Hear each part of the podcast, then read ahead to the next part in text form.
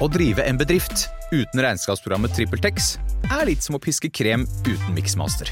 Det går jo, men det bare tar masse unødvendig tid. TrippelTex, det fleksible regnskapsprogrammet som forenkler hverdagen for over 100 000 fornøyde kunder. Prøv gratis på TrippelTex.no. Otto og Anne tar pulsen på landet. Ja, det gjør vi. Jeg heter Otto Jespersen, og hva var det du het igjen? Jeg heter Anne Grosvold, og hver uke har vi med oss en interessant gjest. Det har vi. Otto og Anne tar pulsen på landet. Hører du der du hører podkast. Ready? You have the cameras rolling? He was hosting boozy parties in Downing Street.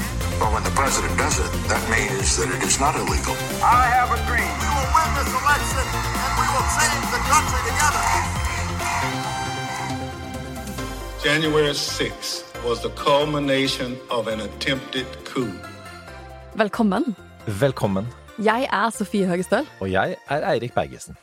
og vi skulle jo egentlig slutte å telle, men du hører nå på den niende episoden av Det store bildet, og jeg, jeg lover at vi skal slutte å telle på episode ti neste uke. Og dette er fortsatt vårt eh, nokså uhøytidelige, veldig personlige forsøk på å gå bak alle ukas nyheter, lete etter sammenhenger, kanskje si noe om framtiden, på jakt etter det store bildet, sånn som vi ser det. Hver eneste fredag. Denne ukens episode skal handle om stormingen av Kongressen og hva som skjer med høringene nå. Jeg skal også rante litt om at norsk presse ikke har skrevet mer om endringene i valgloven. Og vi skal innom prinsessen og sjamanen. Og så skal jeg prøve å lure deg til å komme med en skikkelig juicy anekdote om Boris Johnson og hans eh, kone og PR-rådgiver eh, Kerry, som eh, du til nå har vært litt uvillig til å dele.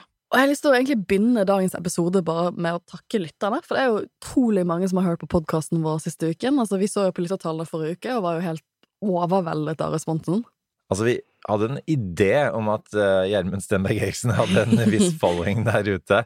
Veldig mange som hører på popkorn og politikk, og andre ting han uh, gjør, men uh, hu og hei, det var um, kjempegøy. eh, og eh, det var jo så gøy at vi har eh, bestemt oss for å ha inn en ny gjest neste gang. Ja, vi har fått på kroken en ganske stor gjest til neste uke, eh, som jeg må si at jeg er en veldig stor fan av. Jeg er litt fangirl av den personen som kommer neste uke. Og, og, det, er, det er ikke Jens Stoltenberg. Han Jens Stoltenberg. har eh, helvetesild, Ja. og, og for alle som har hatt det, så er det et helvete. Så det Vi ønsker en god bedring. God bedring til deg. Du skal få lov til å komme seinere. Det var ikke det egentlig. som hindret han i å være med heller. Nei, det sånn vi nei, hadde, men men det, det kommer. Men altså, for en gjest. eh, Og jeg, jeg prøvde å tvinge deg i stad til å si hvem, at vi skulle si hvem det var, på lufta. Vi må tease. Det, jeg, har- jeg, jeg, jeg, jeg, Vi har lært fra. Gjermund at vi må tease ting. Så nå skal vi tease at det er en uh, super Altså, vi er så takknemlige for at denne gjesten har tid til oss, men jeg kan røpe at det er en kvinne, og at hun, uh, som hun er beryktet for, har fått oss til å spille inn podkasten grytidlig neste uke, for hun er en morgenfugl. For de som kjenner henne, så da har vi, tror vi har sagt to pluss to. Um, men, men altså det, er, det er en person som også som da Når du tenker storbildet, så ja, Ja. Det er vanskelig å se for seg det store bildet tror- uten, uh, uten henne. Og når det er sagt, uh, tilbake til lytterne. Uh, det er vi, vil, altså vi har også, etter hvert som Facebook-gruppen vokser, begynt å høre fra dere. Og det er så eh, stas, både med, med hva dere vil høre mer av. Eh, ikke så mye mindre av enda. Og vi har skjønt budskapet om at vi, skal faktisk få lov til å prate ut. Eh, og vi skal få lov til å holde på eh, til vi er ferdige. Ja, så skal jeg slutte å avbryte Eirik. Det er den feedbacken jeg har fått. Har du? Ja. Mm, mm. Så det er tatt til hjertet mitt. Men det er fordi jeg blir så overivrig. Ja! Jeg blir så giret. Ja, men, men, det, men det, jeg syns det bare er, er gøy, for jeg, jeg, det ser jo ikke dere, men jeg sitter jo og smiler når du um, vifter med armene mer og mer og mer, og, og, og etter hvert kommer eh, ord, veldig mange ord eh, ut av det. Og, det- og det var jo veldig gøy for øvrig da vi var eh, live i Bergen. For der, der er det Da avbrøt vi hverandre både her og der fordi vi hadde så mye på hjertet. Men ehm, Men la oss komme i gang med ukens episode, og vi begynner jo alltid ukens episode med det lille bildet. Så det lille bildet for meg denne uken har vært veldig hyggelig. For min far fylte 60 i går. Gratulerer til verdens beste pappa. Eh, så vi, eh, vi koste oss på middag i, eh, i går. Og så skal jeg av allting møte to dager på Stortinget neste uke. Og neste uke er Stortingets siste uke før sommerferie, så jeg er litt spent på å være der i en sånn veldig hektisk periode hvor de, de må liksom stemme ferdig alle sakene sine for denne stortingsperioden, altså dette stortingsåret. Den blir gjort til neste fredag. Så derfor er jeg blitt kalt inn som vikar, fordi man, Venstre trenger nok personer som kan stemme over alle disse sakene i salen. Så det blir gøy. Og det at uh, faren din fylte uh, 60 i går, og, og jeg ble jo 50 tidligere i år, så inntil i går så var både jeg og faren din eh, i 50-årene. altså, jeg, Foreldrene mine fikk jo meg når de var studenter. Ja. Jeg var ikke sånn kjempeplanlagt. Så de var studenter i Tyskland, eh, og så pappa var på utveksling for Handelshøyskolen. Mens mamma var fulltidsstudent i Tyskland. Så jeg har jo veldig unge foreldre. Nå ville jeg egentlig at du skulle si et eller annet som at ja, men du ser jo ikke en Du dag, dag! eldre enn 48. Det er også sant, Eirik. Jeg er litt sånn, jeg er litt sånn koronaskjeggete da, om dagen, da. Og, og, og, det, og jeg, jeg slutta å vokse skjegg etter at jeg begynte å bli sånn grå i skjegget, for jeg var redd for at jeg skulle se litt eldre ut. Men, men, men nå, etter at jeg er 45, så innser jeg at jeg er jo eldre, så da er det helt greit. Men jeg, nå som jeg er i ferd med å komme meg etter korona, så skal eh, skjegget bort. Og, jeg, og en av grunnene, tror jeg, for at jeg nå er så å si frisk, da, er faktisk den eksponeringsterapien som jeg opplevde her i studio her for en uke siden med deg og Gjermund. Stenberg Eriksen. For at det var eh, heftige saker. Eh, og, eh, vi, og på en eller annen måte vi klarte faktisk stort sett å ikke avbryte hverandre. Jeg var imponert. Altså, jeg trodde det skulle bli mye mer kaos. Skulle bare avbrytelsene Sodoma og Gomorra. Nå er vi på det store bildet. Og, Ja. og nå, du sa rett før vi skulle begynne at Eirik, du gleder deg til sendingen i dag. Virkelig. Du virker så giret i dag. Og, og, og, det, og nå ler jeg til meg, og det er jo ingen grunn til, fordi, fordi det jeg egentlig prøvde å si til deg, da, var jo at, at eh, det er jo, som alltid, for så vidt, eh, dystre ting vi skal gjennom. Um, eh, og det er så dystert at altså, rett og slett i USA nå om dagen, med 6. januar-høringene, så er mer eller mindre demokratiet selv på tiltalebenken. Eh, og, og, jeg, og jeg tenker sånn at hvis eh, Altså, det, det, er jo selvfølgelig ikke noe å glede seg over, men når jeg tenker tilbake da på å ha kommentert egentlig at demokratiet har vært eh, på tiltalebenken gjennom fire år med Trump, så, så noen ganger så tenkte jeg ehm, Hva er jeg med på nå? Er jeg med på en måte å eh, tjene penger på, på å popularisere Er Donald Trump? Trump-profitør? Profitør, en Trump-profitør? Eller, eller er jeg med å redde vestlig sivilisasjon slik vi kjenner det? Og, og jeg, er, jeg, jeg er fortsatt der at jeg føler at det er en, eh, en, en stor personlig og faglig verdi i, i å fortelle eh, om på hvilken måte Trump har undergravd demokratiet og fortsetter å gjøre det. Så det er den lange forklaringen på hvorfor jeg er, eh, er litt glad for å kunne gjøre det også nå. Altså, Vi hadde jo egentlig tenkt å ikke snakke om USA denne uken, for vi har jo snakket om USA to, to episoder på rad. Og det er Famous jo, last words. Det er famous last words, og vi syns det er veldig mye annet i verden som er veldig, veldig, veldig spennende. Og ikke bare USA. Jeg lover at neste uke så tror jeg det blir mindre USA. Men jeg kan jo også tise at neste ukes gjest har en veldig morsom Trump-anekdote som vi må få henne til å fortelle. Um, men um, men vi, vi, vi spiller jo dette her fredag morgen, og det jeg sovnet til Det er veldig trist, altså. Det jeg sovnet til i går kveld, det var um, høringene Det første store offentlige høringene av denne komiteen som skal granske hva som skjedde 6. januar eh, i fjor. Altså stormingen av den amerikanske kongressen. Og det, for meg var det sånn å være tilbake til det verste av 2020-valget på grunn av den sånn seks timers forskjellen som er mellom oss og Washington DC. Så føler jeg at mye av livet mitt, særlig sånn høsten 2020, det var å sovne foran TV-en i sånn to-tre-tiden om morgenen. Um, uh, for det er sånn, ting, ting skjer på et veldig. Altså, den tidsforskjellen blir veldig ubeleilig. Og det er en grunn til at det, disse sendingene gikk klokken to om morgenen norsk tid, og det er fordi at de har valgt å sende det prime time i USA, altså åtte om kvelden. Det er veldig bevisst. Primetime-TV. Uh, I håp om at flest mulig kommer til å se på disse høringene. Dette er dag én. Det kommer til å være flere høringer neste uke. Hva tenker du, Erik? Ja, altså bare ta tak i dette med prime time, da. Um, og jeg hørte Vi hører på en annen podkast, Pod Save America, så, som As One Do. Does. Uh, og her har jeg faktisk Friend of the Pod-T-skjorte på meg nå.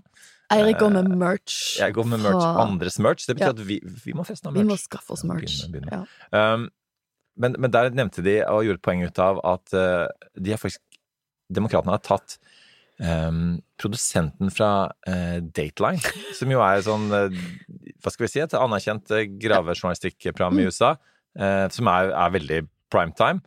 Um, eh, og, og for å liksom lage disse høringene sånn at folk ser på. Ja, altså det, det, nå tenker de egentlig liksom Trump. De tenker at det skal være veldig sånn TV De tenker hvordan det skal se ut på TV. Ja, de, har- altså de har lært eh, For det, det er jo alltid, alltid sånn i amerikansk politikk eh, at, at man måtte gjøre noen teknologiske framskritt. Du hadde eh, Roosevelt som oppdaget radioen, du hadde, du hadde Kennedy som oppdaget TV, så hadde du Obama som oppdaget sosiale medier, og så hadde du Trump som på en måte oppdaget at han selv skulle være på sosiale medier, eh, som seg selv, på, ikke minst på Twitter, eh, og, og, og dermed også kanalisere TV-tid. Og så har, har eh, demokratene nå lært at de også må, må få folk til å se på TV, Mm. um, og Men- i primetime. Men her er mitt spørsmål. Er det nok? Er det nok? Er, er, kommer de personene som ikke tror på dette, til å se på dette? Det er jeg veldig usikker på. Så jeg leste De har gjort noen meningsmålinger i forkant av disse TV-sendingene. For det, det, er grunn, det er flere grunner til at dette skjer nå. En av hovedgrunnene er imidlertid at det ligger jo, som jeg har snakket om på podkasten før, an til at demokratene kommer til å tape Underhuset, altså Representantenes hus, i november. Og hvis republikanerne får flertall, så er det en veldig stor sjanse for at de kommer til å legge ned denne granskingskomiteen. For de boikotter jo denne komiteen. Det er nesten bare demokrater, så er det to republikanere, men de har blitt vi kan snakke litt om det senere, men de har blitt oustet av partiet sitt. Altså, Liz Cheney er jo, er jo personen hun grata i det republikanske partiet. Hun pleier å sitte i lederskapet der, og hun master jo egentlig den posisjonen, litt på grunn av at hun sitter i denne komiteen her og har valgt å være ærlig om the big lie, da. Og det var hun også. Hun var jo en stjernespiller for det i går, eh, for jeg tror de tenker sånn at de demokratene som sitter i den komiteen, det er ikke de som er best posisjonert å snakke med eller nå ut til de folkene de ønsker å nå ut til, altså de som ikke tror at dette var farlig eller ikke tror på at det skjedde. Liz Cheney, som er jo da datter av Dick Cheney, tidligere visepresident i USA, er, hun jo Hun kommer jo fra en sånn skikkelig republikansk familie. Hun er jo erkerepublikaner.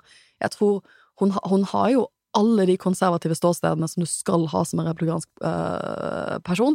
Du skulle jo tro at hun ville sitte trygt i det republikanske partiet, men det gjør han ikke i Trumps parti. Eh, Så de har jo valgt å, å få henne ut som talsperson, da. Men de kom jo ut med noen meningsmålinger, så ja, det var Poenget her var egentlig at grunnen til at dette skjer nå for sommeren, er at komiteen må bli ferdig med det arbeidet innen november. Så da har de disse høringene, så blir det en, etter hvert en eller annen slags rapport. Og da har de jo i forkant, så har en av de store TV-kanalene, inkludert NBC, gjort meningsmålinger hvor de prøver å fange opp eh, hvor mange amerikanere mener at Trump er ansvarlig for storming av Kongressen. Og det de har funnet, er at um, hvis du spurte de i januar 2021, altså rett etter stormingen, så sa 52% av at Trump var ansvarlig. Det tallet har falt til 45% Så tallene går ikke riktig. Hvis, hvis du er demokratene, da, og du ønsker å knytte denne linken mellom det at Trump skal være ansvarlig og stormingen, så går tallene feil vei siste året, ikke fremover. Eh, Og, og, og det i seg selv er jo eh, helt utrolig. Altså hvis vi snakker om skal, jeg skal prøve å være litt forsiktig med å sammenligne med, med Putin og Russland her. Men eh, altså, vi snakker om at, at eh, der vet man ikke bedre, for at man får bare statlig propaganda-TV. Og ja, jeg har ikke tilgang til, til andre kilder. I USA har de jo det. eh, Men, men de ser jo ikke nødvendigvis på det. Og Fox News, ikke for å ta hele den regla, men ja, de, er jo, de rapporterer ikke engang fra høringene. Nei, Eh, de så det sier jo på en måte alt. Og det er, jo, det er jo litt av spørsmålet mitt, da, at hvis du er i den delen av befolkningen, altså hvis du er en konservativ velger som ikke tror, som tror på the big lie, kanskje til og med, du tror på at valget var stjålet, og du eh, tror at eh, 6. januar ikke var en stor greie, at det var en liten gjeng med protest, vanlig, det var en vanlig folkelig protest, da, så, så ser du antageligvis ikke på disse høringene. Så, og det er litt av problemet, vi har snakket mye om den effekten av polariseringen, og effekten er jo at man har ikke noe samstemt historiefortelling, og man ser ikke på de samme nyhetskildene, så det er, det er vanskelig å få en samstemt historiefortelling. Eh, og igjen, det som er så spesielt med 6. januar, er at vi så det på TV. Vi sa it live on TV, Mm. eh, rett og slett. Hele verden så Hele det. verden. Eh, og, og, og det var på en måte og, og, og, og det er nettopp derfor også at eh, Og så så vi det igjen i riksrettssaken. Så nå, nå blir det på en måte tredje gangen Mm. vi ser det. Og hvis du da så, sånn, Spørsmålet blir jo da på en måte Ja, vil du nå tredje gangen, da? Eh, I og med at du allerede har sett det to ganger. Endre mening. Og, det er jo det som er det store spørsmålet. Det, vet jo eh, komiteen like godt som oss. Så det de jo prøver på, da, eh, det er også eh, eh, ja, rikke på dette.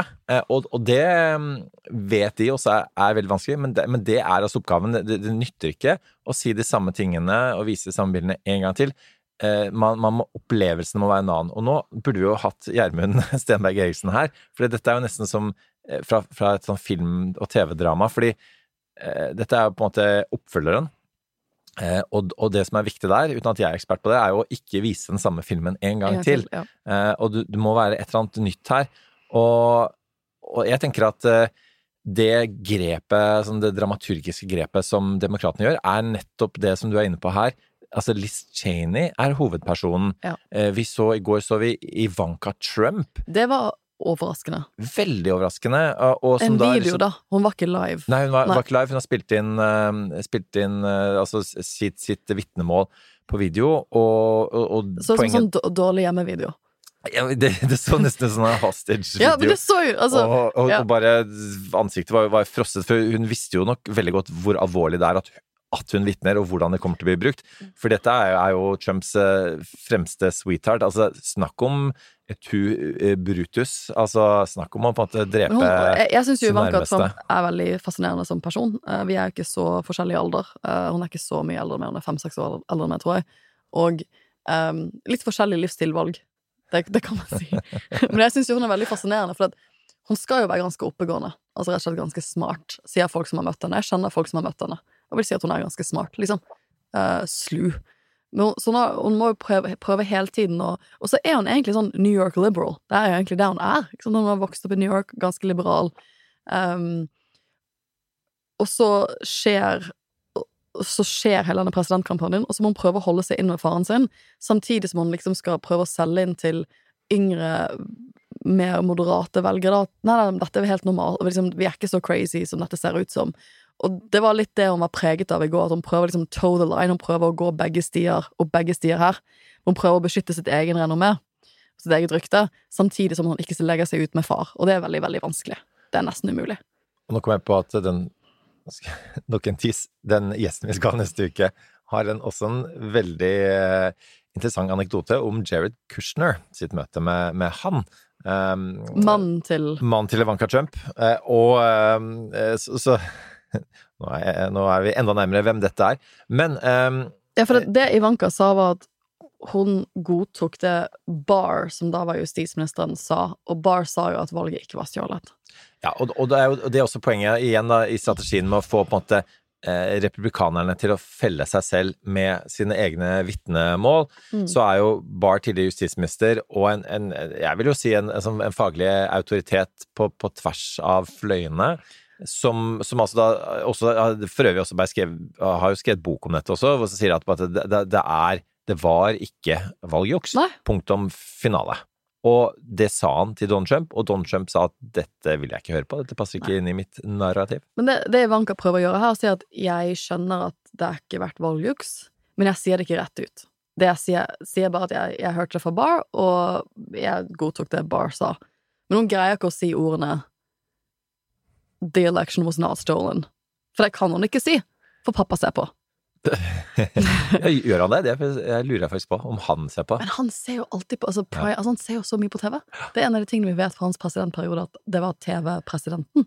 Det mest koko eh, utslaget av det, da, er jo faktisk eh, Vi har vært inne på dette med Mar-Lago midterms, eh, hvordan de drar ned til han for å gjøre sine hoser grønne, få han til å endorse, altså gi sin tilslutning til dem. Men til og med altså kongresskandidater fra helt andre stater, de plasserer eh, TV-reklame på Florida TV-stasjoner for at Donald Trump skal kunne se det, eh, for at han skal på en måte Ja. Komme på det, eh, for at de skal komme på hans radar og bli invitert eh, ned dit. eh, Og, og så, så ko-ko er det. Men spørsmålet er jo her nå også, hva er det republikanerne sin strategi er? Og, og der spekulerer man på ulike ting. Og, og du nevnte at det er bare to republikanere som sitter der. Det er Liz Cheney og Adam Kinsinger, som, som Mm. jo er notoriske eh, Trump-fiender. Ja, for at republikanerne ønsket å, å oppnevne egentlig to Trump-statsspillere til denne komiteen, og da sa de bare nei, dette, vi kan ikke ha folk som tror på den store løgnen. Ja, det, blir, det, blir, det kommer bare ikke til å gå. De vil jo ha um, Jim Jordan, blant Ja, annet, ja, som er pitbullen Ja, til uh, og det, Trump. det hadde jo bare ødelagt hele da, det, For det, det er jo det andre som er interessant her, egentlig er at uh, For nå føler jeg at nå har vi liksom blitt kastet tilbake i januar 2021, og det vi, det vi ser tydeligere gjennom disse høringene, og for så vidt en del av de tingene som kommer ut gjennom denne granskingen, det er at det var noen dager der hvor det sto og vippet. Hvor republikanske part- eliten i Kongressen tenkte sånn Skal vi cut our losses? Skal vi kaste den under bussen? Skal vi ta sterk avstand, eller skal vi ikke? Og det var noen dager der hvor A, det så ut som eh, en del av lederne for republikanerne i Senatet vurderte å, å felle han i riksrett. Det kunne de gjort. Eh, og det var en periode hvor lederen for, eller han som er lederen for republikanerne i Underhuset, også vurderte rett og slett om man, om man, om man eh, burde ta avstand, eller om man burde gå, eller hvordan han burde gå ut og distansere seg. Ja, for det hadde vi jo eh, på tape. Det har vi Kevin på tape. McCarthy som sa sannheten på tape, og dette har vi kommentert på tidligere i poden, eh, at det er jo så absurd nå at han nå lyver om at Mm. han sa sannheten på den tapen. tapen. det, ja, for det, så det, det var en, liten, en liten gyllen tidsperiode der hvor det så ut som det republikanske partiet kom til å bryte med Trump. Men det valgte de da ikke å gjøre. Og da, når innen de kom For, at, for at Kevin McCarthy, visstnok, da det, har kommet ut en ny bok som jeg holder på å lese av noen journalister om denne perioden her, um, som de selvfølgelig har timet til dette her, altså. um, hvor de sier at det var noen dager hvor han også ville ha en tenkte sånn Ok, det beste her er en uavhengig gransking, det skal vi støtte, ikke sant? Vi må bare få alt fakta på bordet her. Men så går de tilbake på det, og det, det er så enkelt. Det er så enkelt som at eh, selv om Biden gjorde et veldig godt valg, så fikk Trump også rekordmange stemmer. Jeg tror det er så enkelt som at en del av de folkene som sitter som folkevalgte for republikanerne, vet at hvis vi kutter oss med Trump, så vinner vi. Da taper vi alle gjenvalgene våre. Vi taper neste presidentvalg. Vi kan bare gå hjem, egentlig. Og da blir de ambisjonene om å bli gjenvalgt, eller partiet, da, ambisjonene, går foran demokratiambisjonene, egentlig.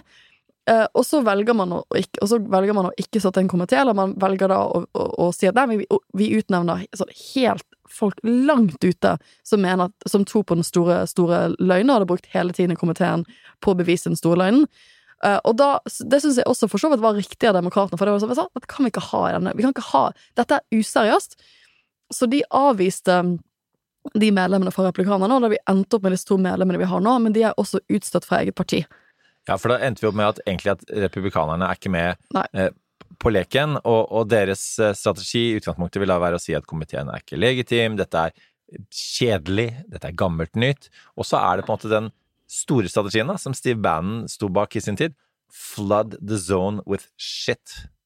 Og det gjaldt riksrettssaken, det gjelder nå også. Altså bare Og vi hadde faktisk et, et øyeblikk eh, i riksrettssaken hvor eh, disse advokatene, eh, gåseøyne nærmest, til republikanerne eh, la Altså, de hadde en video med alt mulig eh, dritt de hadde samlet demokra av demokrater fra Black Lives Matter eh, og, og eh, i an, eh, eh, prot- protester og så videre, som, som de, de sendte. Og, og jeg, jeg satt, satt i TV 2-studio gjennom egentlig hele riksrettssaken, og, og da dette Og vi visste jo alt. Og da dette kom, så, så, så jeg og Anker eh, vi var enige om at det her, det kan vi ikke vise. Nei. Det her er litt sånn som du sier, at dette her det har ingenting med, med, med, med en rettssak, det har ingenting med demokrati å gjøre. Så vi, ba, vi bare sa at vet du hva, eh, dette kommer ikke Nå bare Nå, nå Ja. eh, skrur vi av dette. Fordi at vi vet at, at folk sitter og, og følger med og sånt, men, men, men det, det går ikke. Dette her er bare rett og slett er med å undergrave demokratiet. Og, og det Vi fikk selvfølgelig kritikk fra usual suspects i sosiale medier for det, men, men det, det står jeg ved. Noen ganger må man bare Men det er, dette er jo de vanskelige avveiningene. Vi, vi, en av de tingene vi snakket om i Bergen, var ytringsfrihet. Dette er noen av de vanskelige avveiningene. Når, når det Når etterstreber du en balanse som ikke eksisterer? Ikke sant? Det er som å ha en eh, Hvis man skulle gjort en timelang spesial om covid, og så invitere anti-vaxxers som tror at uh, covid-vaksinen gir deg uh, Hva er det, 5G-allergi, eller hva det er Altså, liksom, liksom Du kan bare ikke altså, liksom, På et eller annet tidspunkt du, du, bare, du bare gir platform to the lizard people. Altså folk som, som er så langt ute i konspirasjonland at det, det er Du kan ikke med god samvittighet sette det på Riks-TV og, og gi dem en så stor plattform. Nei, og den gamle er er det menneskeskapte klimaendringer, eller er det ikke? Mm. Eh, La oss debattere det, istedenfor sånn hvordan skal vi stoppe Ja. de menneskeskapte klimaendringene? Og, og det, det, vi hadde også, det kulminerte også for øvrig, nå skal vi igjen tilbake i TV 2-studio, eh, den natta eh, at eh, det var kongressstorming, og så sa jeg Ja, for du satt på TV 2, jeg satt på NRK. Du satt på NRK, da, ja. ja. Eh, Selvfølgelig. Eh, og nå vet jeg ikke om du var i løpende kontakt med fremtredende Trump-tilhengere i Norge. Det var jeg ikke. Det var jeg. Eh, For dette fikk jeg en tekstmelding, og jeg sa ikke denne gangen navn i heller, for det, gjorde jeg heller ikke da. Jeg sa bare at eh, visse stortingsrepresentanter som har anklaget eh, TV 2 for å si at Trump undergraver demokratiet, de har nå må de jo kunne Mm. se sannheten i øynene, for her er jo dokumentasjonen eh, på dette. Eh, og, og jeg fikk da en sporenstreks den eh, Det tok ikke mange sekunder, gitt, før den tekstmeldingen kom om at eh, hei, ikke trekk meg inn i dette. Og jeg svarte at jeg har ikke navngitt eh, deg. Eh, og, men du, du ser vel hva som skjer nå? Ja, men ja, dette Trump gjør nå er helt forferdelig, bla, bla, bla. Men kom igjen, det er jo derfor man har USA-eksperter. Ok, vi kan ta feil innimellom, vi også, da, som, som fotballeksperter så videre. Men, men altså, det, er en systematikk her, og, og, og, og, da ble visse folk dempet trodde- seg litt. Grann. Men fordi eh, det poenget her eh, er jo at Og det er det som er sånn dumt, da, med at de kaller det 6. januar-høringene. For at det handler ikke bare om at det som skjedde 6. januar, det handler om alt som skjedde det- det fram til da, alt som skjedde etter det, og alt som skal skje i valget nå, som jo er et, nok et forsøk altså- på å gjennomføre dette her. Bare for å gi et bilde av hvor crazy ting er, dette har jo NRK skrevet om. I går, før, rett før høringene starta, så blir jo da også en av de rep- republikanske guvernørkandidatene i Michigan arrestert, Ryan Kel Kelly, uh, av FBI, for sin rolle i stormen av Kongressen. Og igjen, hadde du sagt til meg under stormings... Ja, bare plinge. Hadde du sagt til meg under livesendingen av stormingen av at uh, Sofie, om halvannet år, så kommer en del av disse folkene som stormer Kongressen, og de kommer til å stille til seriøse valg. Ja. For republikanerne så hadde jeg aldri trodd det. For for min, mitt perspektiv var at innen vi kom oss til 6. januar, så var jeg sånn Shit, nå skal valget godkjennes. Uh, det, senatvalget i Georgia gikk bra. Repli altså, Demokratene vant begge to. Nå er valget er ordentlig over. Jeg var på Dagsrevyen for å snakke litt om Jeg hadde vært på God morgen Norge tidlig tidlig om morgenen for å snakke om valget i Georgia, senatvalget i Georgia. Og så sov jeg litt, og så var jeg på Dagsrevyen om kvelden for å snakke om at nå skal den formelle godkjennelsen av valget skje, og ikke at det er nydelig og demokratisk og ja, gammeldags, de skal lese opp, og det er sånn formaliteter, men sånn er jo demokratiet, og sånn Det var egentlig en, altså, en, en, en hyggelig prat, for jeg tenkte at nå er vi liksom Nå er vi good to go, liksom, nå skal valget godkjennes. Eh, og så har jeg knapt kommet hjem innen NRK ringer og sier eh, Har du sett hva som skjer foran Kongressen? Vi tror du må komme tilbake igjen. Så da var det bare å kaste seg en taxi tilbake igjen til Marienlyst, og og så bli kastet inn i en, eh, en sending som i begynnelsen føltes nesten som en Altså føltes som en fullskala terrorsending. Jeg vet ikke hvordan det Mm. føltes for deg, men uh. når du sitter der, og så ser du bildene, og så er det litt sånn Det var jo ikke klart for pressen heller, og det, det vi vet nå, det var klart for ingen hva som egentlig skjedde inni der. Det var totalt kaos. Det er jo det en av disse som vitnet i går, en av disse sterke vitnemålene i går, var fra en politikvinne, Caroline Edwards, eh, som, som snakker om hvor ekstremt kaotisk hun opplevde stasjonen å være politikvinne inne i Kongressen den dagen. Eh, så da visste jo ikke vi hvor farlig Eller vi altså, satt på spissen og så satt jeg og tenkte sånn eh, Er det folk som har blitt drept? Sånn. Har de Mike Pence? Hvor mange av politikerne har de kommet frem til? Fordi politikerne satt jo i salen og skulle votere, altså stemme over dette. De, de, sånn, hvis du skulle tatt en del kongressfolk i en terrorhandling, så ville det vært da. Mm. Um, og så heldigvis så, så skjønner vi sånn to timer inn at det er ikke den vridningen dette tar. Og det var bra. Men, men jeg, har jo, jeg har jo masse venner fra studiene, jeg studerte jo DC, som er ofte innom Kongressen. Og det er bare sånn, Hvor mange kjenner jeg som kan være i bygningen nå? Det var, det var bare helt surrealistisk. Men også det at det var, igjen, det var en, en følelse de dagene etterpå at nå er det over. Nå, nå har det gått så langt at dette her Nå, nå kommer Republikanske partiet til å bli tenke at nå må vi bli friske igjen. Nå må vi på en kreftkur. Vi må liksom ta strålebehandling. Vi må bare gjøre dette. Eh, og så går det to uker. Det er det, alt, det er det det alltid gjør med Trump. Jeg føler sånn Testen med Trump er Snakker vi om dette om to-tre uker? Og dessverre med Kongressen, man snakket om det to-tre uker senere, men han hadde vunnet, gjenvunnet kontroll i partiet sitt innen to-tre uker. Og det er litt mitt spørsmål med januar, 6. januar-komiteen også nå. Kommer man til å snakke om dette to til tre uker etter det er ferdig? Jeg tror svaret er nei. Ja. eh, altså, jeg, jeg, jeg, vet ikke helt hva, hva svaret er, for at jeg eh, har egentlig Ja, én ting er å ikke vite at eh, Ikke helt eh, forstå at Trump kom til å vinne valget, men så på en måte har vi jo bedret oss i den forstand at uh, altså, vi hadde jo en, en hel programserie på TV 2 som het Trumps verden, nettopp fordi vi ønsket å forstå hvorfor Trump ble valgt. Um, og og jeg, jeg har veldig forståelse for at, det har vi jo snakka om mange ganger eh, på, på, eh, på podden her, at vi, vi er for at begge, eller alle sider av politikken skal komme frem, og, og det, ting, altså, ideenes marked skal regjere, og, og folk skal få lov til å forklare ulike reelle interessemotsetninger i, i samfunnet. Men, men det, det er noe med, med denne situasjonen her nå, hvor altså rett og slett nå er det demokratiet mot ikke-demokratiet.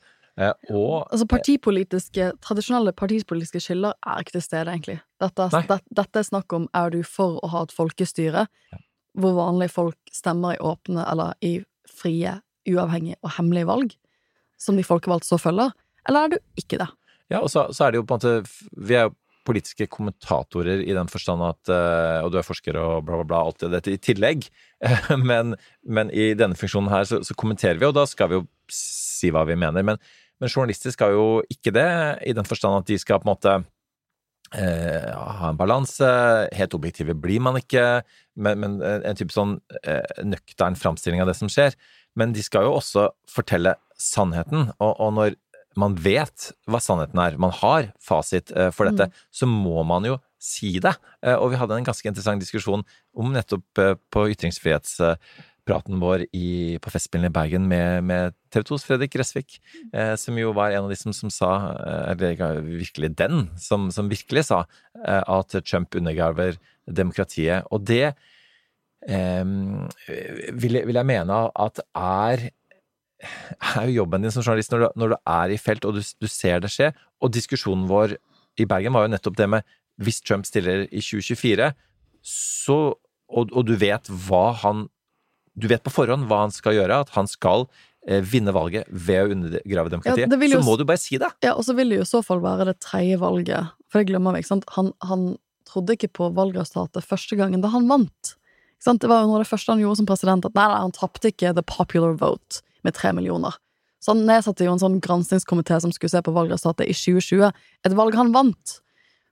Det er veldig spesielt. Jeg har veldig sjelden hørt om valgvinnere som er sånn, nei, nei, nei.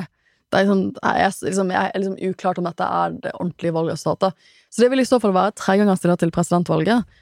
Um, og vi må jo Vi kan jo ikke legge til grunn noe annet enn at han vil fortsette i samme spor, da. Um, jeg skjønner virkelig ikke personlig hvordan du kan sette parti og kanskje egne politiske ambisjoner foran demokratiet ditt på denne måten. Det, det skjønner jeg virkelig ikke. Én ting er at jeg, jeg kan forstå at en del republikanere tenker at hvis vi bryter med Trump, så mister vi kanskje 20-30 av velgerbasen vår. Kanskje mer. Og Kanskje mer. kommer ikke tilbake på veldig mange år. til- Det er jo Vi ingen har tvil om. snakket om topartisystemet i USA, og det gjør jo at hvis de mister 20-30 av velgerne sine, så vinner de ikke noe valg mot demokratene. For det, som vi har sett, så er jo valg ofte så jevne i USA. Ikke, ikke, ikke i alle Selvfølgelig ikke alle valgde, valgdistrikter, men sånn nasjonalt. Så jeg skjønner at det er vanskelig. At når, da, da, da kommer du til å tape veldig mange valg, og i alle fall en periode, for da må du bygge opp partiet ditt igjen. Jeg forstår at det er vanskelig, men hvis valget mitt var mellom å ikke stemme Venstre, men redde det norske demokratiet, så er ikke det veldig vanskelig. Det er ikke et veldig vanskelig valg. Det er veldig, veldig lett, tenker jeg. Det er et veldig, veldig enkelt valg. Og, så det, det skjønner jeg. Her mangler du good men, som er villige til å sette And women. and women who are willing to put country before party. Og det er det lite av på høyresiden i amerikansk politikk nå. Ja, og, og, og jeg skal, nå skal jeg faktisk trekke en klar sammenheng med, med Putin, noe jeg veget meg for å gjøre i stad. Fordi verken Putin eller Trump har en veldig tydelig politisk ideologi som går utover det at de skal sitte ved makten. Altså, hva er det Hva slags politiske idealer er det, er det Trump klamrer seg til nå, som han skal prøve å gjennomføre, utover at han skal hevne seg over å ha tapt valget? Og, og, det, og det, er også det disse eh, republikanske politikerne nå ja, spenner seg fast til massen for, og, og det, vi er i, i Russland det, vi er, vi er, det er ikke lenger Gorbatsjov eller politbyråets eh, kommunistiske idealer. Det er ikke lenger eh, faren til Dick Cheney sine eh, kall, altså Kritiserer gjerne det, neokonservative idealer. Eh, men, men det, er, det, handler om, om, personlig makt, eh, og det, det er ekstremt eh, frustrerende å, å se. Um, og så er spørsmålet er også på en måte om Altså, vi skal heller ikke glemme at, at det er en, en effekt av dette her er jo på en måte også ansvarliggjøre nettopp Donald Trump og statsadvokaten i Georgia mm. ønsker å tiltale han og bygger en sak eh, basert på at eh, Trump hadde en telefonsamtale med, med Raffensperger, som da var state secretary i eh, Georgia, for å, å be han, eh, han sa det med all tydelighet, eh, finne 11 780 stemmer. Mm. og og det er helt, uavhengig av om, om Trump mente um, hadde, Tror han har, har rett i dette, at han faktisk tror selv tror på the big lie. Altså, det, det, det, er ikke lov å gjøre det. Det kalles vigilantilism. Eh, altså det er eh, du, du, har ikke lov Nei, som president til å gjøre dette. Jeg, jeg, føler at det er en av de tingene Det er en criminal case man bygger opp mot han. Jeg føler at dette er en av de tingene som var det sterkeste Nå prøvde jeg å finne direkte sitater, men en av de sterkeste tingene jeg syns Liz Cheney sa, var egentlig til sine egne partikollegaer i går, hvor hun sa sånn at you know, de, de, som var med på January 6, var med på January 6, men dere som opprettholder dette That's a stain you will never wash away. Mm. Altså det, det, kommer du all, altså Historisk sett, når du ser tilbake på det om 30 år, så kommer du ikke unna den skammen at du ikke snakket ut, eller var ærlig om det som skjedde her. Um, så ja, jeg har lite tro på, på at dette kommer til å ha noe effekt på de som trenger å høre den informasjonen, men du er kanskje litt mer optimistisk? Jeg er alltid mer optimistisk enn alle andre. men, eh, men, når det er sagt, så Altså, jeg hadde jo Altså da, da, etter valget nå sist, så tenkte jeg at uh, hvis Trump vinner dette her, så vet jeg ikke om jeg gidder. Mm. Altså, jeg vet, skal, jeg, skal, jeg, kaste bort livet mitt på, på å følge denne mannen? Så er, min skjebne beseilet eh, med han? Uh, og, og, og, heldigvis, da, så rakk jeg ikke å, å svare på det, fordi, eh, fordi han tapte valget. Og, og, jeg nevnte for noen sjefer i TV 2 at uh, du, det er greiene vi gjorde med amerikansk politikk, vi kan ikke bare gjøre det på norsk politikk, da. Fordi ja, jeg kan litt om det også, jeg og, og resten av redaksjonen. Så, så, ble Trumps verden ble til norske tilstander. Ja. Og, og, jeg på en måte har jo bare kost meg veldig med det norske fram til nå. Ja. Eh, kos meg med norsk politikk, eh, og, og, for et Norge i verden. Men, men vi, si nå er vi tilbake igjen, da, der ja, vi håper, begynte. Jeg kan jo si at det er litt det samme for meg, at jeg hadde jo aldri noen plan om å bli USA-ekspert i det hele tatt. Jeg eh, forsker jo på, som, som, jeg har sagt før, jeg forsker jo primært på sånn krigsforbrytelser, internasjonal strafferett. Men jeg har jo denne bakgrunnen med jeg har gått fra amerikansk barneskole. Jeg følger nok amerikansk, har nok ofte fulgt amerikansk politikk mye tettere enn jeg har fulgt norsk politikk. Har gått på engelsk eller amerikansk skole siden jeg var ti, på mange måter. Så det ligger jo i meg. Men jeg hadde egentlig liksom, jeg, flytt, jeg, visste ikke at USA-valget var så stort i Norge, så når jeg flyttet hjem Norge, til Norge i 2013, så tok det meg litt på sengen at USA-valget var så stort i 2016. Jeg kommenterte ingenting i 2016. Og så blir Trump president, og så begynner det med en gang å bli en del store juridiske spørsmål. Og da, var det, da det, var det ingen andre på Da er det ikke så mange andre enn meg. Som, som jeg, tror de, jeg, tror NRK ringte rundt liksom på fakultetet og ville ha noen som kunne kommentere sånn riksrett Eller jeg husker ikke hva det var rett etter han ble valgt. Ja, det var, det var da Russia Gate begynte, og sånn, disse, disse sånn strafferettslige spørsmålene. Og da var det meg, og det var sånn jeg ble egentlig USA-ekspert. Ja, historien har jeg aldri hørt. Nei, men, men um, uh, Og da, liksom, da, begynte jeg sånn Ok, det kan jeg kommentere, for det er jo virkelig ingen Det er ikke så mange andre som kan amerikansk strafferett, eller kan sånn og sånn. Det er liksom meg, da, fort på, i alle fall på jusfakultetene i Norge. Uh, og så ble det ballet det bare på seg. Det bare sklei noe veldig ut da jeg følte vi begynte sånn faglig relevant, så sklei det veldig, veldig veldig ut. Men jeg tenkte jo litt sånn på en, sånn, i sånn, før 2020 kommer, da. For det er jo som et, det er et livsstilvalg. Vi bruker masse tid på dette. Et livsstilvalg. Det er et, livs, men det er et livsstilvalg, det er sant? Det er et, veldig underlig livsstilvalg som jeg, Det er det liksom, det, som jeg ikke, ikke fullt ut hadde planlagt. Ikke noe du planlagt. anbefaler nødvendigvis for andre. Nei, som ikke er noe planlagt. Jeg tenker sånn, kan jeg virkelig justify å bruke så mye tid på dette? Er det liksom hvor, hvor nyttig er det for folk at jeg bruker tid på dette? Burde jeg heller bruke tid på forskningen min? Altså, det er jo den avveiningen jeg hele tiden gjør, da. Men så tenkte jeg litt sånn innen vi kom til 2020, at dette er en av de store sakene som skjer i vår tid. Det er alltid vanskelig å samtidsanalysere den samtiden vi lever i. Men jeg tror at om 30 år så er det som skjer nå, en av de store tingene som skjer i vår tid. Og det å prøve å forstå Det er jo derfor jeg tror nordmenn også har vært så interessert i dette fenomenet, for man skjønner at her er det et eller annet som skurrer. Dette er viktig, dette har langtidskonsekvenser. Hva er det som egentlig skjer her? USA er en av våre nærmeste allierte. Hva skjer med det amerikanske demokratiet? Jeg tror oppriktig at det er litt av grunnen. Det er selvfølgelig show og alt dette rundt, men det er sånn, jeg tror en av kjernegrunnene at så mange fulgte med på særlig USA-valget i 2020, for man føler at dette her, her står det noe på spill, da, som også påvirker oss. Og, så det var litt min tankegang, at, eh, you know, it's, it's not what I would have chosen myself, men dette er en av de store spørsmålene i vår tid.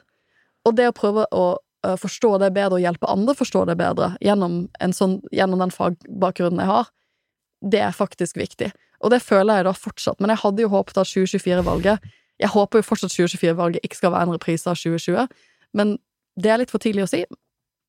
Så selv, selv optimisten meg ser ikke fram til at det skal bli demokratiets eh, store Comeback. seiersgang, eller comeback, nei. Nei. Eh, Men jeg liker at du, du frikjenner litt eh, alle de mange USA-interesserte der ute. For det, for det er helt riktig, og det, for det gjør jeg også. For det, det handler virkelig om at man føler at det er noe som, som står på spill um, i, i i, ver- verdens eh, I vår del av verden. I vår del av verden. i demokratiske i demokratiske delen av verden, så er dette viktig. og, og, at, og at det også handler om Norge, fordi at vi er såpass tett alliert Ja. med USA, og hvem som styrer USA har mye å si for oss. For vanlige Eh, nordmenn, ja, rett og slett. Ja, det er helt legitimt. Og så er- handler det om Ja, selvfølgelig blir det eh, Tar Trump for stor del, og Trump på Twitter osv., men, men fokuset på Twitter handler om at det, er der, eh, det er der han lanserte politikken sin. Eh, og det er jo, han har jo nettopp gjort seg selv, og ikke eh, politikk til ideologien i partiet, og, og da blir det litt sånn. Og så, så mener jeg at, at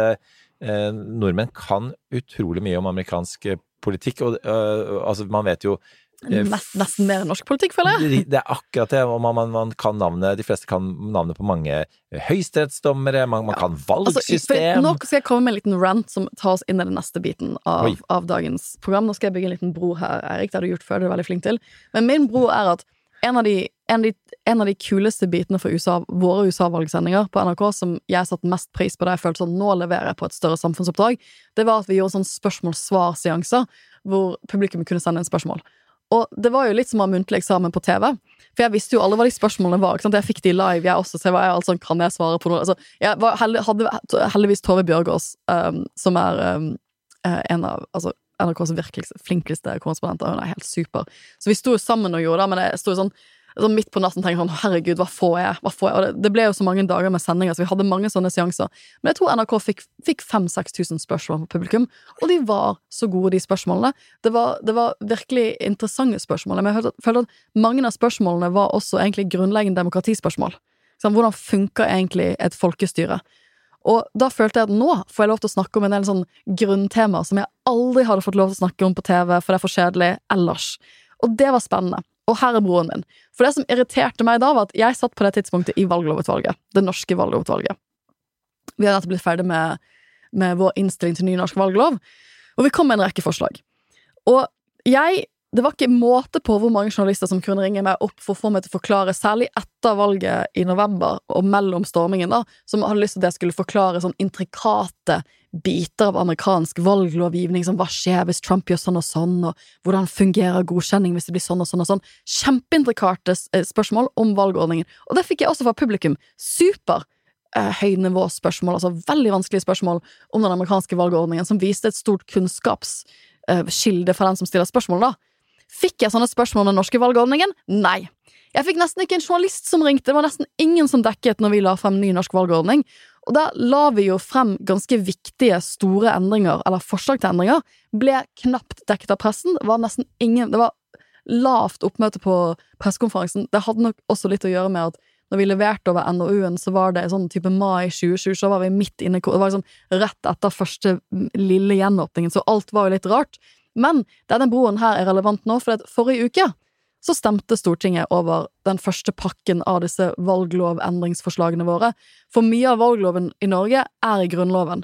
Så det som skjedde, Grunnen til at vi måtte levere eh, våre forslag innen mai 2020, var fordi at de måtte foreslås på Stortinget, for det er regelen i Norge at du må slå, foreslå det på Stortinget i én stortingsperiode, så må det gå et valg, og så kan Stortinget stemme over det etter det valget. Eh, så nå har det gått et valg, og Stortinget forrige uke møttes, alle stortingsrepresentantene møttes for å stemme over en del av disse endringene. Har du lest om det i avisen, Eirik?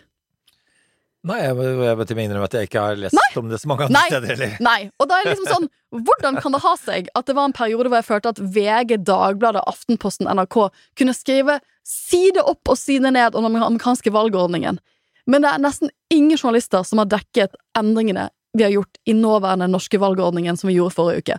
Og det irriterer meg, for jeg syns at det er kjempegøy å snakke om amerikansk politikk, for jeg føler at igjen, det gir en mulighet til å snakke om folkestyret vårt, om demokratiet vårt, egentlig, og drive med sånn folkeopplysning om demokrati.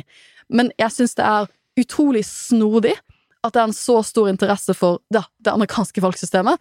Jeg fikk, jeg fikk masse sånne spørsmål sånn Ja, poststemmer, er ikke det forferdelig at liksom poststemmer som kommer inn for sent, blir kastet? Jeg bare sånn Men sånn gjør vi i Norge også. Why don't you write about that? Det kan skrive artikkel om. Kom aldri noen artikkel om det, for det var en av problemene vi prøvde å lø, lø, lø, løse i valglovutvalget, som ikke løste. Men sånn, men altså, forrige uke nesten ingen som dekker disse valgendringene. Og en av de tingene vi gjorde, som ble vedtatt i Stortinget, eh, som var kanskje en av de største tingene vi foreslo, som vi ikke fikk noen kritiske spørsmål om fra pressen, eller mindre, det er at vi har nå gitt politikerne fullmakt til å utsette stortingsvalg i kriser. Det er jo en type krisehjemmel som i verst fall, da, hvis vi får en diktatorspire på Stortinget, eller i regjering, som kan sette det norske demokratiet på spill. For da gir vi, vi Vi åpner nå for at det skal være en grunnlovsfestet mulighet til å utsette norske valg. Det var ikke i Grunnloven før.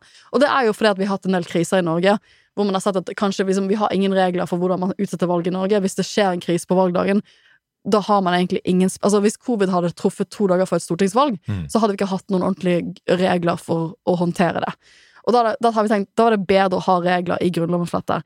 Men regler i Grunnloven for er åpner jo også en mekanisme som folk som altså får misbruk. ikke sant? Så jeg husker når vi satt og skrev denne biten av forslaget, også, så var jeg sånn å herregud, hva om vi skriver hva om vi skriver den ordningen som kupper det norske demokratiet, hvor en despot kommer til makten og bruker denne unntakshjemmelen i, i grunnloven vår til å utsette stortingsvalget indefinitely, så kuppe valget? Det kommer ikke til å skje, da. Men da var vi sånn herregud, da må vi flytte til Sverige. Men det var en sånn skikkelig vanskelig bit av dette å, å skrive, for man må skrive på en måte hvor det ikke kan bli misbrukt, men hvor uh, ordningen er fleksibel nok til at den kan tas i bruk under forskjellige typer kriser. Ikke et eneste kritisk spørsmål, jeg har aldri fått et spørsmål om det fra en journalist, ble ikke dekket forrige uke i det hele tatt, at nå kan Stortinget og regjering utsette stortingsvalg, altså utsette folkestyret vårt, i kriser. Ingenting. Og da er jeg litt sånn, dette er min rant, men det er ikke godt nok. Det er ikke godt nok. Det var litt av en rant. Mm. Vi, kjører, vi må kjøre rant-jinglen nå, da. Ja. And I will strike down upon thee with great vengeance and furious anger. Takk for meg. Um, Takk for meg. Altså, I den grad jeg hadde ønsket å prøve å avbryte deg nå, så hadde jeg ikke hatt sjans. eh, Så jeg, jeg fikk en ett. Mm, jeg fikk bare en ett. Jeg prøvde flere ganger. Selv det lyktes jeg ikke med. Men uh, vi får ta dette tilbake til våre mainstream media-redaksjoner, da. Ja. Uh, men uh, altså, ja, det er jo en Altså, jeg for øvrig, da, da du sa du skulle bygge en bro, så det jeg trodde du skulle bygge en bro til, det var Märtha og Durek forlovelsen. Som som i, i manuset vårt, eller Ja. manusskissen, en veldig løs manusskisse, Ja. eh, står som punkt nummer to. Ja. Eh, så jeg Men jeg bare hoppet inn med det jeg, ville snakke om. Jeg skjønte veldig raskt at eh, her lå det veldig lite kongelig Ja, for- forlovelse i lufta. Du har jo snakket om kongelig forlovelse på TV denne uken, det er ikke jeg. Altså, men altså, dette Jeg kan ikke, jeg, jeg kan ikke dra på med Märtha og Durek nå, etter at du Jo, måte har eh, Jeg tenker at lytterne var bare sånn ja. kringsatt eh, norsk demokrati og grunnlov eh, på den måten her. Jo, men altså, Skal jeg hva, prøve? hva syns du? Er det, er det Altså, jeg hadde til og med for å lokke deg da med Ja. på Märtha og Durek, så har jeg til og med lagt inn her eh, Märtha og Durek-forlovelsen. eh, bindstrek. Hva er de politiske eh, skråstrek konstitusjonelle virkningene? Jeg prøvde å gjøre det så kjedelig og teoretisk at du For skulle lot deg lokke. Men- men- Syns du det er interessant? Eh, Har du fulgt det? Syns jeg det er interessant? Egentlig ikke. Veldig Har du fulgt det? Egentlig ikke. Egentlig ikke. Men du, men hva syns Ja. jeg, jeg vil bli bedre kjent med deg, Erik. Hva syns du er spennende med denne saken? Skal du bli bedre kjent med meg gjennom å vite hva jeg Ja. tenker om og Ja. føler om Märtha Durek?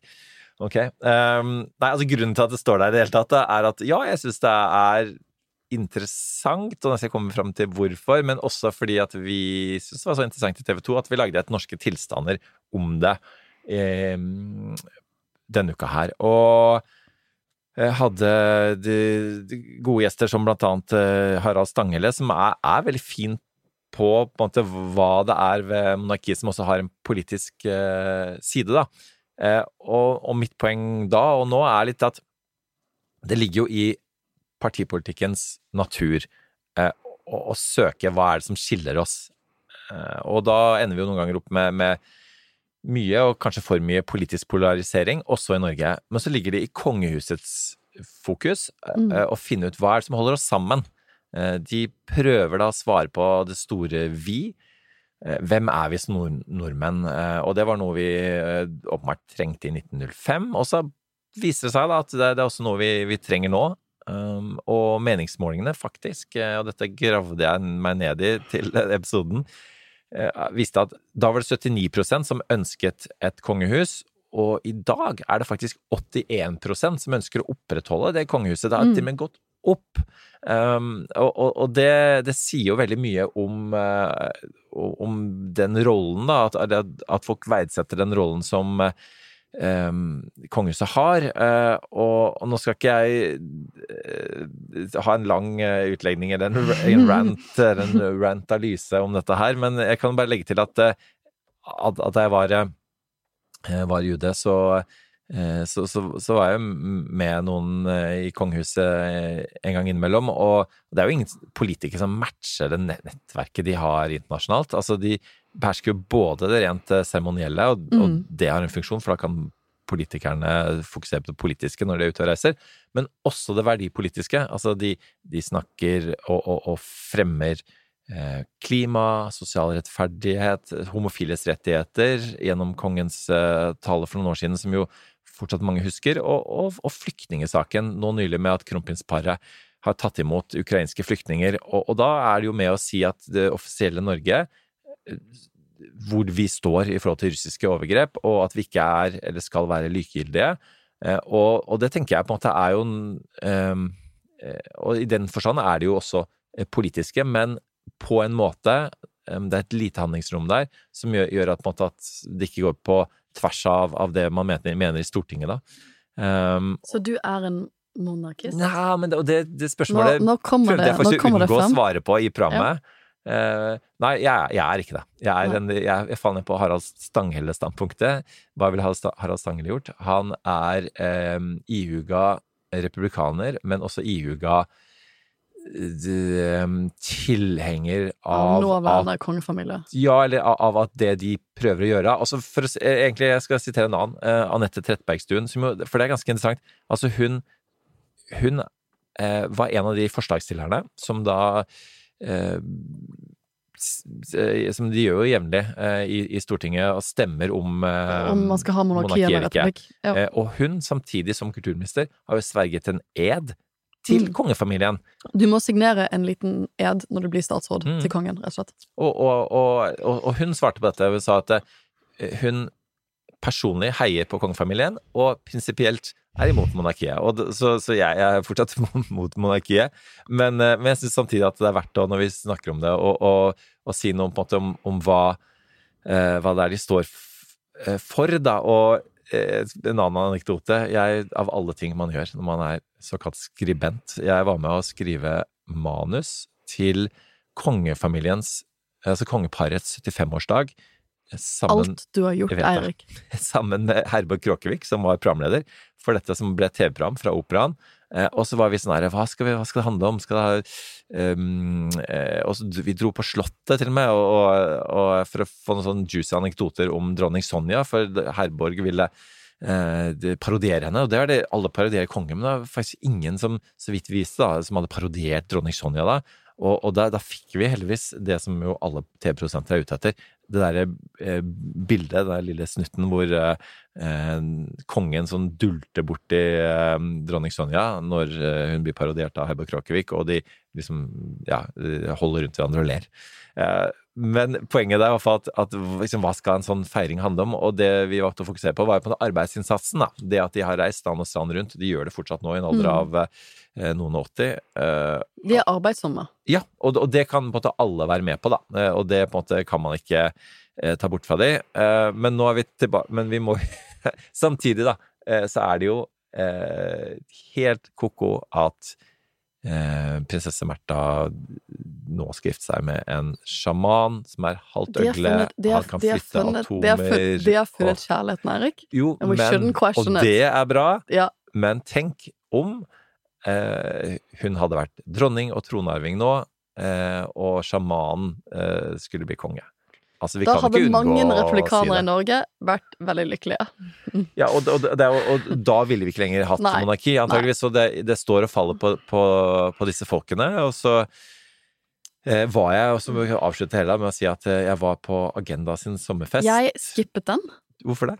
Jeg var sliten. Ja. Så jeg, jeg, jeg, altså jeg Var du på Civitas sommerfest? eh, i går Jeg hoppet også over den for å være pappa sin 60-årsdag.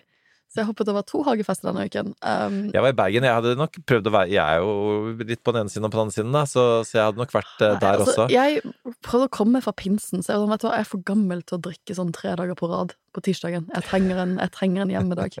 Men jeg skjønner jo at jeg gikk glipp av en stor snakkis som endte opp i VG. Og, og, jeg, og jeg, hadde vært, jeg hadde vært på Civita òg, hvis ikke jeg hadde vært eh, i Bergen og lagd eh, norske tilstander. Men den store snakkisen var jo da at eh, vår utdanningsminister Tonje Brenna spøkte om forlovelsen. Hun sa så, For hun holdt en sånn hilsningstale, Ja, liksom. og hun, hun sa så gøy å være her med alle dere for å feire forlovelsen til uh, Märtha og Durek. Um, og jeg syns det var en eh, ålreit spøk, jeg. Eh, Altså, jeg sukker for at jeg syns det er helt ekstremt at noen har lekket hermegåstegn. Lekket. For jeg synes sånn, du lekker jo ikke noe når en person har holdt en tale for 300 mennesker. Det er ikke lekkasje da, liksom. Sånn lekke til VG pro tip, liksom. Dette var ikke gjort i hemmelighet bak lukkede dører. Det var en åpen fest hvor hun holder en hilsningstale. Og så lekker dette til VG, men så er folk så veike at de vil ikke De har lyst til å være anonyme kilder. Noen anonyme kilder til VG har sagt at dette var litt sånn Dette synes jeg var litt sånn spess, at hun sa at det her for hun sitter over kongens bord, bla, bla, bla, bla. bla. Jeg tenker sånn, Hvis du skal først i, i hermegåstegn lekke noe sånt, så skal du gjøre det med fullt navn.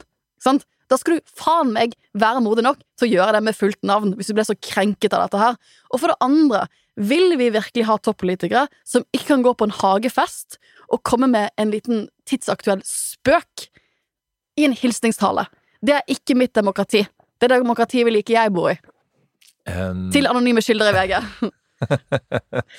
Eh, Men altså, det er jo, det er jo noe à la White House Correspondence Dinner-tale hun holdt, og det syns jeg eh, norske politikere bør gjøre Mer, av. Ikke mindre av. Men man kan ikke, man kan ikke gjøre sånne ting, og så samtidig gå til å være sånn Å, norske politikere er så kjedelige. Åh, jeg vil ha vanlige personer i politikken. De er så for glattpolerte, de er for profesjonalisert. Ja, men det blir jo det! Hvis sånne ting skjer. Da er det akkurat den type politikeren du får. Ja, ja, vi- Nå har jeg rantet veldig mye i dag. Veldig mye, og, eh, og uten engang å du har vært, altså Vi begynte med å si at jeg var veldig ivrig i denne episoden her, men Ja. eh, det viste seg at du er minst like ivrig. Vi må runde av. Og, ja, og, og, men før vi runder av, fordi eh, jeg har lyst til å em, det, det er, og dette er det er fortsatt nyhetsaktuelt. Boris Johnson han overlevde mistillitsforslag i parlamentet som Altså, kom etter Partygate-rapporten. Vi trodde vi skulle bruke mye mer tid på dette, men han, han ble jo da For i det konservative partiet så har de en sånn interessant måte å kaste partiledere på, som er egentlig at folk som er stortingsrepresentanter, eller uh, MP som de kaller det i Storbritannia, de sender en, en brev, mistillitsbrev til en komité. Og når det har kommet så og så mange brev inn, så trigges det automatisk en mistillitsavstemning. Nå avbryter jeg deg. Drit i brev som trigger mistillitsavstemning. Vi, vi, vi tar for gitt at lytterne våre har hørt dette allerede. Ja. Det jeg vil høre, og grunnen til at det fortsatt er i manuset, eh, er eh, og jeg, det står et punkt her så, sier, så det står Carrie-anekdoten. Ja. Eh, fordi det er, det er bare det jeg vil høre, Sofie. For meg? Ja, jeg vil høre fra deg, og grunnen til at, det, at dette er med videre. For vi Ah. vet hva som skjedde. Han overlevde, og vil han overleve videre? Vet ikke. Er det starten på slutten? Men Kanskje? hvem er, hvem er Boris Johnson? Hva er, hva er greia hans? Og du eh, fortalte meg dette her eh, på en, på en em, veldig underholdende måte, og, og det, det, er, det er det jeg, og jeg tror jeg snakker på en av lytterne, eh, vil høre. Okay. Hvem er denne Boris Johnson? Ja, nei, for at jeg var for en stund tilbake på en fest hvor det, um, hvor det var en britisk journalist som har vært med å dekke Partygate. Og det er ikke så ofte jeg får møte sånn britiske journalister. Jeg har bodd før i Storbritannia. Og fordi at jeg er et veldig classy menneske, en høykulturperson, så av alle ting Som ikke drikker tre dager på rad ja, ja, ja, ja, ja. Uh, altså, liksom, jeg er jo en veldig classy, classy forsker. Så, så den classy forskeren jeg er, da var, jeg litt, da var vi på fest, så jeg var liksom, hadde drukket et par glass vin, og god stemning. Og jeg tenkte sånn, nå må jeg bare benytte anledningen til å stille de spørsmålene jeg egentlig brenner inne med. Og da var ikke de spørsmålene sånn hva er den politiske fremtiden til, liksom, til konservative i Storbritannia? Jeg tror hun trodde det skulle komme store, sånn, de store spørsmålene, da. Ja, for du spurte heller ikke hvordan er eh, brevprosessen i forkant av mistillitsforslag i Nei, nei, nei, nei, nei. Eh, nei, nei, nei, nei, absolutt ikke. Jeg spurte om det jeg hadde på hjertet på det tidspunktet, og det var om Boris Johnson sin kone Carrie. For Carrie er sånn to år yngre enn meg, og jeg er fascinert av henne. Eh, og det, ville, det jeg spurte rett ut om, da, og det er sånn, jeg syns det er litt vanskelig å si at det er høyt, for det, det er også sånn det er klart at Måten hun har blitt dekket på deler av br- britisk media, har jo sånn kvinneperspektiv som ikke er veldig veldig bra. Vi må jo bare eh, anerkjenne det. Men en av de skandalene Boris har jo masse, er jo skandalepreget. Som har skjedd, da, er at um, Carrie har lagt seg ut Den nye kona hans har lagt seg ut med Dominic Cummings, som var en av de store hjernene bak brexit, som var en av hans, uh, Boris Johnson sine nærmeste rådgivere, som blir oustet fra uh, den britiske regjeringen, angivelig fordi han har vært i en fløykrig med Kerry, som har sagt nå må han ut. Uh, og, så han hater Kerry, virkelig, virkelig. Og han har startet en blogg, og det er blant annet gjennom hans blogg at vi får vite om Partygate. For Dominic Cummings tok med seg masse papirer og bestemte seg for at hans største mål i livet nå Det er å ta ned Boris Johnson. For de som ikke kjenner Dominic Cummings, eh, de er, mange av dere har sikkert sett Brexit-filmen som er på HBO, hvor han er uh, hovedperson. Ja, så det, her, dette kan man se på video hvis man vil.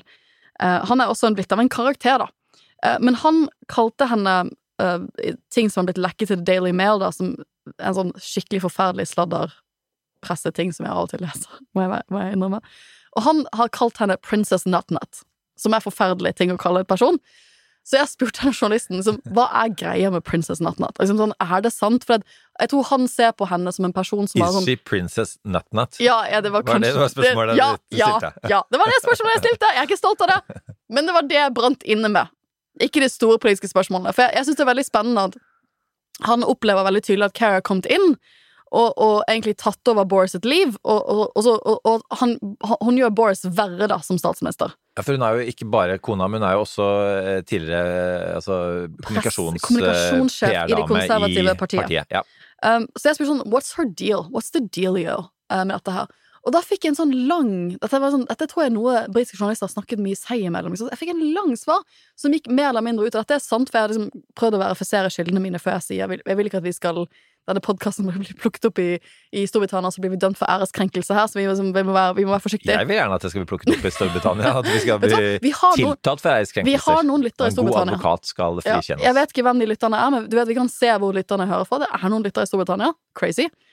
Um, men det hun sa, var at de er jo på hver sin måte sånn to tragiske skjebner som møtes hverandre. For Carrie sin far er en veldig kjent britisk journalist som stiftet The Independent. Og det er på det rene at når han blir sammen med Eller han har en affære med Carrie sin mor, som var advokat i denne avisen, eh, mens han var gift og hadde andre barn. Så jeg tror Carrie rett og slett har en halvsøster som er født et halvt år etter henne, fra kona. Så hun er jo født opp med å være barnet til den andre kvinnen, da. Um, og eh, hun har liksom sagt, eller det, det har liksom kommet frem at hun ja, hun så faren sin veldig lite i oppveksten. Og Boris Johnson kommer jo også fra en familie hvor det har vært en del utroskap sånn generelt. Er sånn over, sånn, det jeg tenker på sånn så stereotypisk overklasse britisk familie, hvor liksom sånn varierende ekteskap. Så Boris, Boris akilleshæler er jo at han er mye utro. Det er han jo kjent for. Så jeg husker når han stilte som statsministerkandidat, så var det en del folk som sa sånn Kan vi ha en statsminister hvor vi ikke vet hvor mange barn han har? For det er uklart hvor mange barn Boris har fått utenfor ekteskap. Og jeg er en liberal sjel, så jeg er ikke sånn Jeg er veldig, jeg er veldig lite interessert i hvem folk ligger med, og særlig sånn hvem, hvem politikere ligger med. Men en av de tingene som skjer med Boris um, mellom uh, etter brexit og før han blir statsminister, det er at det blir offentlig at han har blitt sammen med Kerry i utroskap, da, uh, mot hans daværende kone Marina, Maria Wheeler. Og uh, Boris sin kone opp gjennom årene, som han har fått tre barn med, tror jeg, um, hun er jo en ekstremt smart britisk toppadvokat. Virkelig, virkelig kjent for å være ekstremt, ekstremt smart.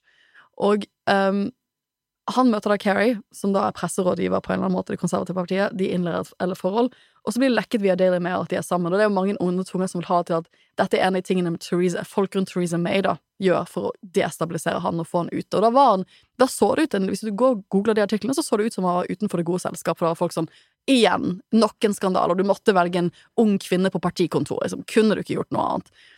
Og så uh, er jo da liksom, Dette er jo skrevet bøker, det er jo skrevet bøker om Carrie nå, så det er masse sånn, rykter rundt det. Men en av ryktene er jo at uh, Boris trodde ikke nødvendigvis at ekteskapet hans skulle ryke pga. denne affæren. For det har det ikke gjort før. Han har jo vært utro før han har fått barn med andre kvinner før, og dette ekteskapet har holdt seg. Uh, men da har rett og slett hans daværende kone fått nok. Da er barna hans voksne fra det, fra det ekteskapet, så hun sier sånn nei, nå er det ut, nå er det ferdig. Vi skiller oss. Og det var en såpass stor altså han trenger, altså Tanken er da at han trenger denne sterke kvinnen i sitt liv, denne veldig smarte kvinnen. At han er på sitt beste når han er sammen med henne, for hun holder liksom familie stabilt, og hun er en sånn stor støttespiller strategisk. Så da er han jo plutselig i sånn verste midtlivskrise hvor han er noen og femti, da. Uh, ikke sant? Blitt sammen med den yngre kvinnen.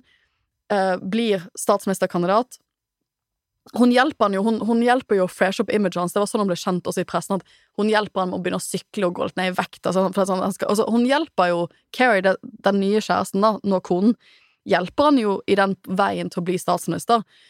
Så blir han valgt til statsminister, men under, og under det valget som skjer til det, så kommer det ut i pressen at de krangler veldig mye sammen. For da er de jo ikke gift engang. Og det var mange som sånn Storbritannia er jo et mer konservativt land enn oss, så det var sånn Shit, skal liksom en sittende statsminister ha en live-in girlfriend han ikke er gift med? Det var også litt sånn spicy britisk presse. Jeg, jeg, jeg, er liberal. Han kunne hatt to living girlfriends, and I wouldn't really care. Men det er sånn, i britisk presse det var en stor greie, da. Um, men da, det, det kommer jo frem at de krangler, og det ble en sånn stor greie i pressen at det, det, det var en høylytt krangel mellom de to. Så de har et volatilt forhold. Um, og, så, og, så, er jo Det som var tanken til Eller det som har vært en diskusjon i britisk presse, da, er at litt av grunnen til at han sliter nå, er fordi hun er ganske krevende. Hun har blitt en sånn politisk rådgiver som da blant annet ouster Dominic Cummings og en del andre personer. Og det har jo vært liksom diskusjonen har hun for mye innflytelse i dette ekteskapet. Men det var sånn veldig interessant sånn, fikk den lange historien og hvorfor disse to er sånn to tragiske skjebner som begge kommer fra liksom disse utroskapsbakgrunnene, ender opp sammen og nå styrer landet. Og, og, og jeg, dette er ikke springbrettet for at vi skal ha politisk sladderspalte. Nei. Men noe av grunnen til at jeg syns i tillegg til jeg synes det er veldig fornøyelig å høre deg fortelle den historien nå for tredje gang, tror jeg. Um, Åh, nå, nå får lytterne virkelig innblikk i hvem jeg er. Det er jo litt av at, at politikk er jo mennesker. Ja. Eh, og, og, og, menneskelige relasjoner, Ja. så, som jo som i dette tilfellet faktisk har politisk, Politisk betydning. Ja, for det, jeg tror litt av det som har vært snakkes nå liksom, Jeg syns jo synd på Karen, for sånn at det har blitt skrevet forferdelig altså, Britisk sladderpresse er forferdelig, så det har blitt skrevet bøker om hvor dum hun er. Hun, liksom, de har gitt ut bøker om hvem er denne kvinnen. For det er det som skjer i britisk offentlighet når du blir så kjent som hun blir. Men litt av tanken har jo vært da at hvis han hadde det han egentlig hadde trengt nå, akkurat nå sliter han. Det er ingen, det er ikke til å stikke under stol at Boris Johnson er i en politisk krise. Eh, han overlever hele tiden. På et eller annet tidspunkt så tenker jo alle at han kommer ikke til å overleve en til skandale. Og det han egentlig hadde trengt rundt seg nå, det er første konen, eller hun var vel egentlig andre konen, men det er den, den opprinnelige ordentlige konen, Maria Wheeler, som, er, som kunne stabilisert han, gitt han et bedre, liksom, gitt han et mer sånn tryggere, stabilt familiehjem, hvor han, og gitt han bedre råd enn det han får på hjemmebane akkurat nå. Ja, vi, vi kan jo prøve å lande dette her Mm. eh, med en uh, politisk konklusjon, som jo er at i hvert fall så en forskjell på amerikansk og britisk politikk er jo at nå hadde du ca. halve partigruppen til eh, de konservative som stemte for mistillit mot Boris, mens i eh, for at han har, har ja, Selvfølgelig, det er, det er en skandale, men, men det handler om at han har eh, drukket alkohol og hatt sosiale samlinger Ja. eh, under korona. Mens i USA eh, så, så er det bare et, eh, noen helt få utvalgte usual suspects som har eh, i republikanske partiet har reist seg mot Donald Trump for at han har prøvd å kuppe valget. Mm. Så crazy er det. Og da tror jeg vi har bundet sammen eh, Alt. Ja. eh, alt Men circle poeng, of eh, poenget, var, poen, poenget er også sånn, hvor, hvor, som du sier, hvor viktig enkeltpersoner er, og, og liksom maktforholdet mellom politiske rådgivere. For det, det er jo egentlig det de mener, at Carrie har for mye makt. da. At hun har kommet inn i dette her og egentlig veldig mye makt internt i hvem han utnevner til hvilke posisjoner osv. Så, videre. Eh, så jeg, jeg syns jo sånn type persondrama er jo interessant når det blir politisk, da. Eh, og at hun har oustet Bill Cummings, og at han nå liksom tar revenge ved å lekke en del ting, som blant annet Partygate. Og da er spørsmålet kommer det med drypp, drypp, drypp, drypp? For han sitter, han, han er fredet et, reglene er sånn at han er fredet et helt år nå fra en ny mistillitsrunde. Men det som skjedde med Theresa May, når hun fikk Hun vant jo også sitt mistillitsrunde. Hun vant med flere stemmer enn det Mm. Boris Johnson gjorde, og fikk flere støttespillere fra partiet sitt til å stemme for seg, men hun gikk jo av innen slutten av året. Hun ble så skadeskutt at, måtte, Ja, at hun og- eh, ikke, ikke kunne overleve de, de neste politiske eh, skandalene. Ja. Så det er, jo, det er jo det som man, man, Så, så hun gikk jo kan av se som, for seg kan som skje også her. noen kommenterte på Twitter på en sak, og det gjorde hun absolutt, men du er jo mye mer sårbar til å måtte gå av på en sak av en sånn mistillitsvurdering. Men jeg tror forskjellen er at Boris, og vi elsker jo denne nye britiske podden, Altså The Rest Is Politics Rest Is med Alistair Campbell, Rory Stewart. anbefaler varmt. De har jo deres uh, episode denne uken handler jo om dette. Men det Roy Stewart, som har vært partifelle av Boris Johnson og stilte mot han som lederkandidat i det konservative partiet, ville sagt at Boris kommer alltid til å gi seg frivillig. Theresa May ga seg frivillig. Det kommer ikke Boris Johnson til å gjøre. Så det blir politisk drama. Og den ene tingen eh, de begge fra hver sin fløy av politikken eh, alltid enes om, er at Boris Johnson er den verste statsministeren eh, Storbritannia noen gang har hatt. Og, og som de, som de avslutta sin episode med sist, stakkars eh, dronning Elisabeth som har overlevd så mange eh, statsministre. Hvis hun dør samtidig som Boris Johnson er statsminister, og han er det hennes eh, siste minne av eh, britisk politikk. Og med det, nå må vi komme i inn må for vi må lande. Sofie. dette har blitt altfor langt. Vi skulle, ha en kort, vi skulle ha en kort, sexy episode med et par utvalgte temaer. Nå har vi rant, jeg har rantet Men, overraskende altså, mye. men jeg har kost meg, eh, og, og, Ja. og, og eh, det ser ut som du har gjort òg. Og da stoler vi på at eh, lytterne har gjort det. Ja, og lytter, vi, vi innom... Fordi vi lager jo en pod, den poden vi har lyst til å lage, og det viser seg at det det er det også en del lyttere som har lyst til å høre Ja. på. Men Vi, vi, kom ikke trenger innom Jordan Peterson i Spektrum, men jeg syns det er så kjedelig at jeg har ikke noen spennende tanker om det uansett, så da går vi Altså, jeg inn. hadde bare, jeg hadde bare e- ett notat der. Jeg, jeg skulle bruke ordspillet opp alle Jordans bunne treller. Og så skal jeg si noe om hva er woke og Jeg syns anti-woke, men hvis det, det folk skal folk har lyst til å bruke en nydelig pinsedag på å høre på Jordan Peterson snakke om hvordan du kan få mer orden i livet ditt, go forth and prosper. Du skal, du Det var få ikke det jeg gjorde, men jeg er liberal. Det skal bare kose dere. de, dere. dere som eh, det, Dere kan spare de eh, Spektrum-billettpengene med Rydd rommet ditt, mener eh, Jordan. Men igjen, liksom, hvis du vil bruke pengene dine på det Dette her, tenker jeg, det er bare å gjøre det. Vi Um, skal på avkobling, påkobling.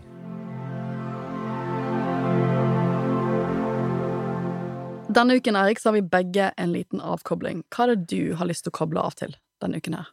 Jeg eh, har nå sett ferdig eh, sesong én av Winning Time på Mm. HBO. Det handler om eh, Los Angeles Lakers, basketballaget.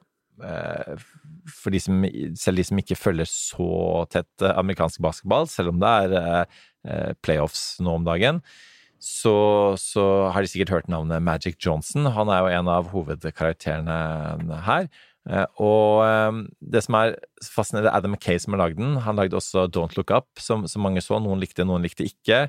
Han lagde Anchorman osv. Så, videre. så han på en måte han har altså det, er, det er både veldig underholdende, da, men så er det ganske tro med tanke på, på det sportslige, og ikke minst er det sånn eh, interessant bilde av, av 80-tallet. Eh, men, men det var også handlet om da den berømte eieren eh, Jerry Buss, eh, som gjorde egentlig Altså gjorde NBA til, til det det er i dag, da, som er en enormt underholdningsmaskin. Eh, Veldig, veldig fornøyelig. Og for øvrig, denne TV-serien kommer også med en tilhørende pod som heter Binge Sesh, som eh, LA Times har. Som er en helt fantastisk eh, episode for episode-podkast som man bør høre på ved siden av at man eh, følger med. en, en, eh, jeg, jeg spilte basketball selv, for jeg vokste opp i USA. Um, bodde der mellom jeg var fem og ti, så, så jeg, jeg, basket er tro til uh, mitt hjerte. Men så, så, husker jeg også bare en, en, en, anekdote om da jeg reiste rundt i Bosnia etter krigen, og, så, og snakket med ja, uh, ungdommer da, som, som, opplevde det, så var det e, e, en som, som uh, seinere faktisk har blitt uh, statsministerkandidat i Bosnia, som, som, også spilte basket på et uh, høyt nivå som ung. Han, han sa at, og det er sånne absurde ting om, om krig, at han så ødeleggelse overalt. Altså, han er fra Srebrenica, og han sa at han aldri gråt så mye under Bosnia-krigen som da han fikk høre at Magic Johnson hadde aids. Ja. Som er en sånn helt absurd eh, ting om krig. Um, uh, og en absurd idolisering av Magic Johnson.